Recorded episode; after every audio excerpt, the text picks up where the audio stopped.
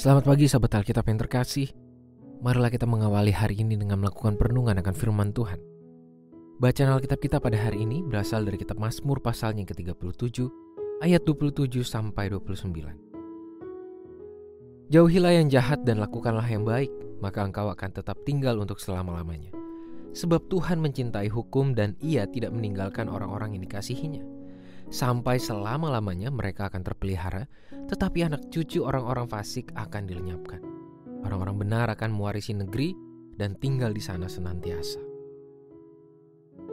Pendidikan matematika diyakini tidak sekedar untuk memiliki kemampuan berhitung, melainkan jauh lebih dalam dari itu, yakni memberikan landasan berpikir yang logis dan membangun disiplin mental sebagai seorang manusia.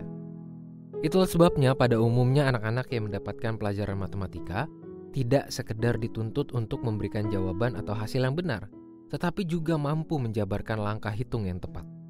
Artinya, melalui model pembelajaran matematika yang seperti demikian, seseorang tidak diajak untuk berorientasi pada hasil, melainkan proses.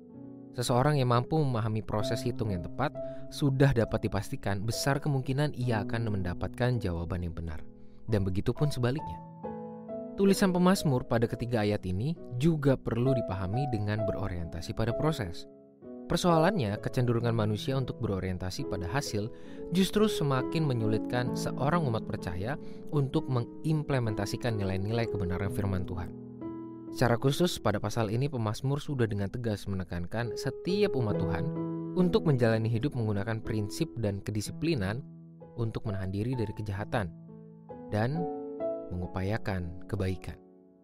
Hal ini merupakan sangat penting mengingat kebenaran dalam kehidupan beriman bukan sekedar konsep, melainkan gaya hidup yang semestinya mewujud dalam berbagai tingkah laku keseharian. Kesaksian dari pemazmur perlu kita baca sebagai sebuah pengingat sekaligus ajakan untuk mengevaluasi dan mengoptimalkan kesempatan hidup demi menghasilkan kebaikan-kebaikan dalam menjalani kehidupan keseharian. Kita tidak semestinya membaca syair ini dengan orientasi iman yang berfokus pada hasil. Maksudnya beriman untuk mendapatkan kenikmatan dan kelimpahan berkat.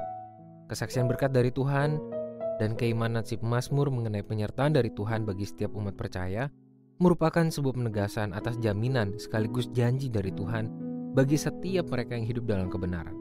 Oleh sebab itu, kita tidak perlu takut atas pemenuhan penyertaan Tuhan yang sudah tersedia bagi setiap orang yang mempertahankan hidup dalam kebenaran.